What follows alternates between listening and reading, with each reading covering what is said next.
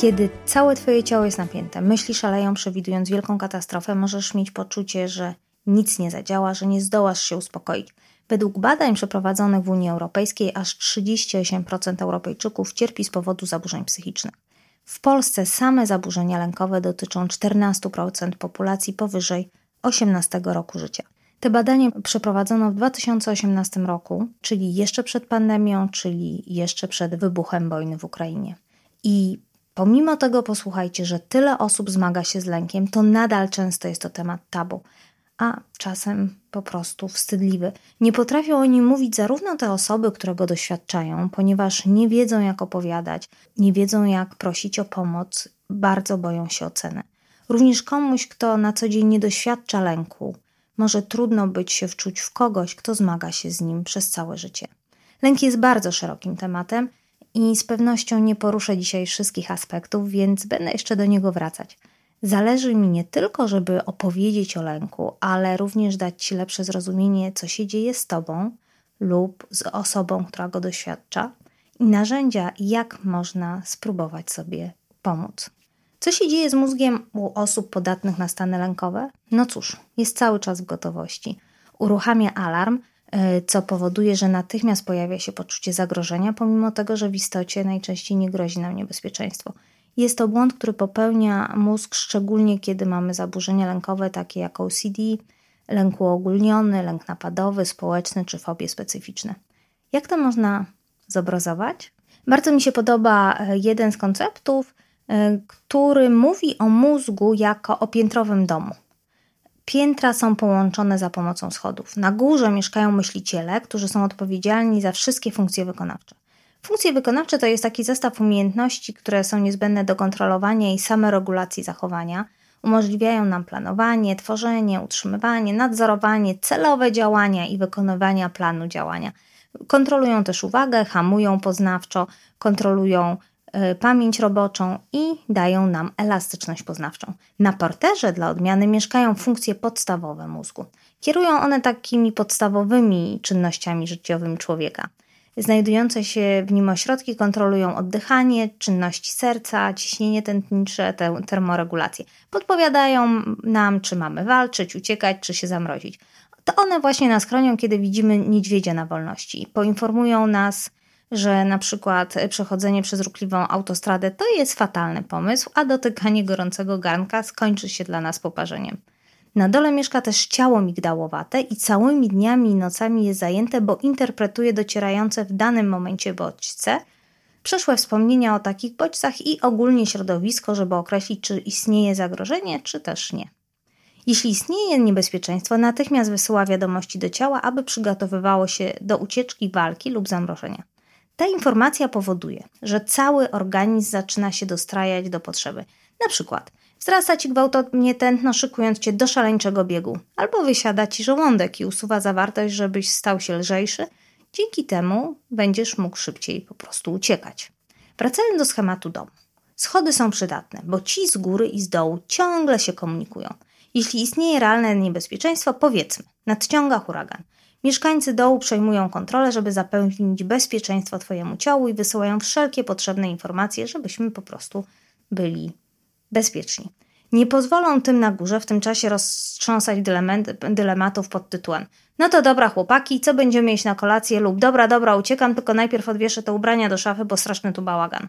A co się dzieje, kiedy mamy zaburzenia lękowe? Ci na dole mają nieodparty przymus ciągłego włączania alarmu. W dodatku drzwi się zatrzaskują, więc komunikacja zostaje przerwana. W efekcie ci na dole nie mają jak powiedzieć, że alarm jest pomyłką, bo w rzeczywistości niebezpieczeństwo jest niewielkie lub wcale go nie ma i robi się totalny bałagan, bo to powstrzymuje nas przed kwestionowaniem, czy to niebezpieczeństwo jest w rzeczywistości niebezpieczeństwem. Co możesz zrobić bez wyważania drzwi? Przede wszystkim zdać sobie sprawę, że jeżeli masz poddatność, to takie sytuacje ci będą się przydarzać. I zacząć zauważać, że kiedy mózg zatrzaskuje drzwi, bo sama świadomość obniża lęk. Dan Siegel używa takiego sformułowania You have to name it to tame it. Musisz to nazwać, żeby to oswoić. Kiedy coś nazwiesz, zaczynasz nad tym mieć większą kontrolę. To nie znaczy, że lęk całkowicie zniknie, ale pozwoli nam to użyć uważności i innych technik, żeby go oswoić, rozbrajać, zrozumieć i wyciszać. Co jeszcze może zrobić dla siebie? Na przykład zaprzestać podróży w czasie. Mówi, że podróże w czasie nie istnieją? Hmm, po różnych rozmowach odnoszę wrażenie, że właściwie osoby z zaburzeniami lękowymi podróżują nieustannie.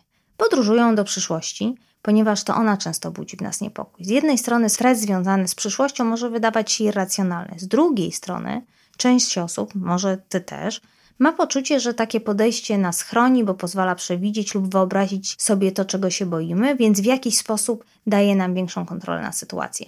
Czasem jest to takie myślenie magiczne, że jeżeli wyobrazimy sobie wystarczająco dużo przerażających rzeczy i sytuacji, to one się po prostu nie wydarzą. Niestety, kiedy usiłujemy mieć kontrolę nad czymś, czego nie da się skontrolować, tak naprawdę budujemy coraz silniejsze poczucie zagrożenia. Lęk również może pochodzić z przeszłości. Każdy z nas ma jakieś wspomnienia z przeszłości, które mogą budzić nas smutek lub żal, ale czasami utykamy w nich i trudno nam jest ruszyć dalej. Widzimy jakieś obrazy, które nas kotwiczą w przeszłości. Bywa, że braliśmy udział w jakichś sytuacjach, które nawet nie pamiętamy, ale one wpłynęły na nasze myśli, przekonania, wartości czy zachowania. A kiedy w teraźniejszości pojawiają się sytuacje, które w jakiś sposób przypominają te z przeszłości, mogą nam odpalać bardzo silne emocje. W takiej sytuacji warto się zatrzymać i pochylić nad naszą przeszłością, żeby tak silnie nie rzutowała na naszą teraźniejszość i przyszłość. Jak to zrobić? Wspominałam już o różnych technikach w poprzednim podcaście o emocjach, ale jeszcze raz. Wróć do przeszłości, rozpoznaj emocje. Zatrzymaj się i zauważ, co czujesz. Zaakceptuj, że ona jest, bez względu na to, jak będzie silna. I zbadaj potem swoje wewnętrzne doświadczenie, zauważając wrażenia, obrazy, uczucia i myśli, które się pojawiają. Zauważ, ale jednak nie nakładaj na siebie etykiety. Twoje myśli i Twoje emocje nie są Tobą, tylko ich doświadczeń. Zobacz, o co chodzi i jaką dostajesz informację, czego potrzebujesz. Kolejna podróż to wędrowanie z wewnętrznym krytykiem. I naprawdę warto zauważyć, kogo zaprasza się do wspólnej podróży, bo jego ciągłe uszczypliwości są potężną siłą, która budzi lęk. W pracy są czy jad, mówiąc na przykład oszukujesz wszystkich, jesteś beznadziejna, ludzie cię nie szanują. W relacji straszy, no pięknie dałaś ciała, a teraz to już po ptakach porzucicie. Kiedy zostajesz rodzicem, upokarza. A, zachowujesz się jak twoi rodzice. A co, zakładałeś, że będzie inaczej. Nawet z własnym dzieckiem nie potrafisz sobie poradzić. A podczas spotkań strofuje. Jesteś taki nieśmiały, sprawia, że wszyscy wokół ciebie czują się po prostu niezręcznie. Głos wewnątrz nas szydzi, co zwiększa nasze napięcie. Nie pozwala zajmować się rzeczami w spokojny, rzeczowy sposób, tylko pogarsza sytuację. Te wszystkie słowa i komentarze powodują, że każda sytuacja w naszym życiu wydaje się dużo bardziej skomplikowana i przepełniona lękiem. Kiedy nauczymy się rozpoznawać i kwestionować opinię krytyka w naszym życiu, pojawi się więcej spokoju i równowagi. Chociaż początkowo przeformułowywanie zdań może wydać się nam dziwne, a wręcz uwaga, niepokojące, to w rzeczywistości po jakimś czasie zauważymy, że to, co nam mówił do tej pory, nie jest ani przydatne, ani nie jest prawdą, więc lęk sam się obniży lub zniknie. Również hmm, podróż przez media społecznościowe, zresztą dużo się o tym pisze, dużo się o tym mówi, może powodować budowanie się silnych emocji, w tym lęku. Pandemia, wojna, rozruchy, wiele informacji, które mogą mnożyć nasz niepokój. Dlatego warto pamiętać o uważności i starać się być tu i teraz.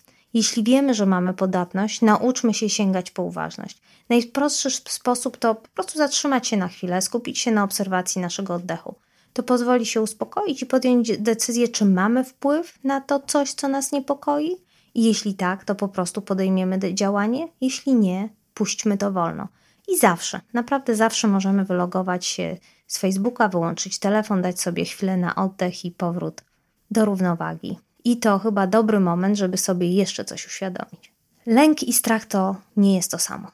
Często wywołują podobne reakcje fizjologiczne, ale strach jest stanem silnego emocjonalnego napięcia, które pojawia się w sytuacjach realnego zagrożenia. Lęk jest odpowiedzią na niejasne zagrożenie. W odróżnieniu od strachu jest procesem wewnętrznym i nie jest związany z bezpośrednim zagrożeniem albo bólem. Lęk nie jest dla nas też zły on jest też dla nas zasobem, który możesz porównać do kontrolki stanu paliwa w samochodzie.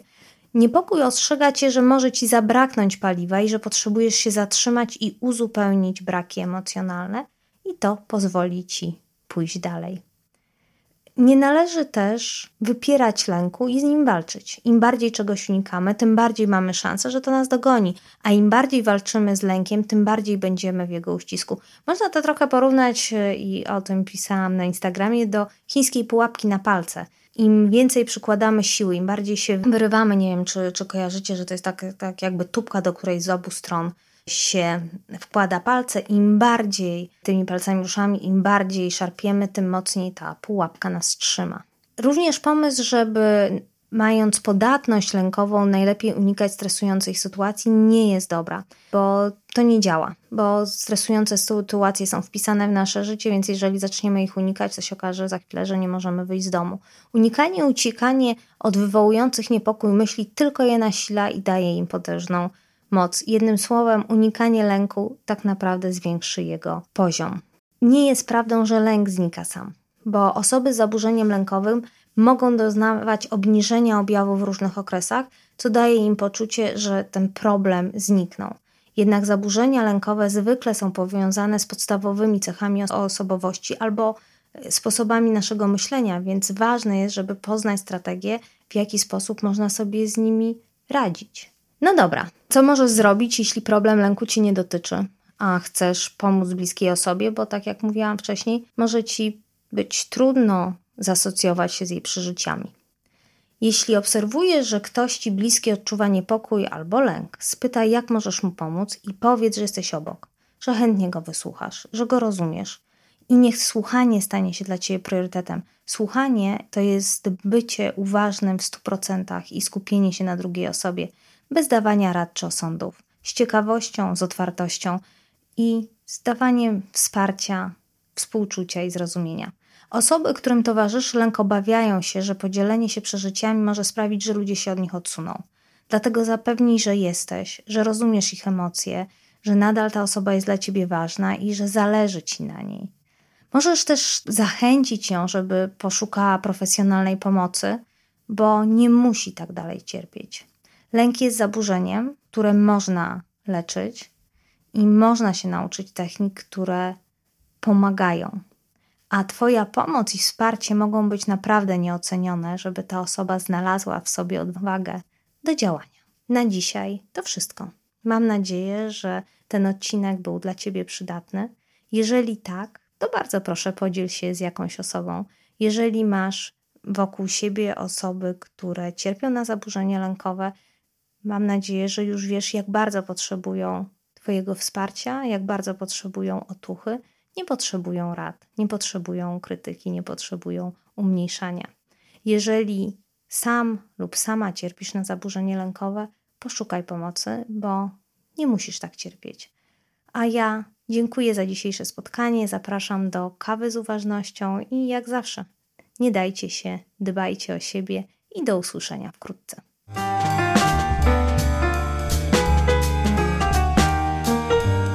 Był odcinek Mów Mi, czyli podcastu Ani Ślusarczyk.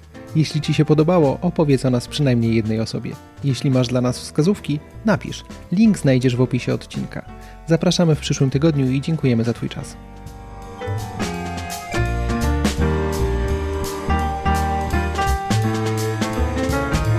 Produkcja i realizacja techniczna www.babyboom.pl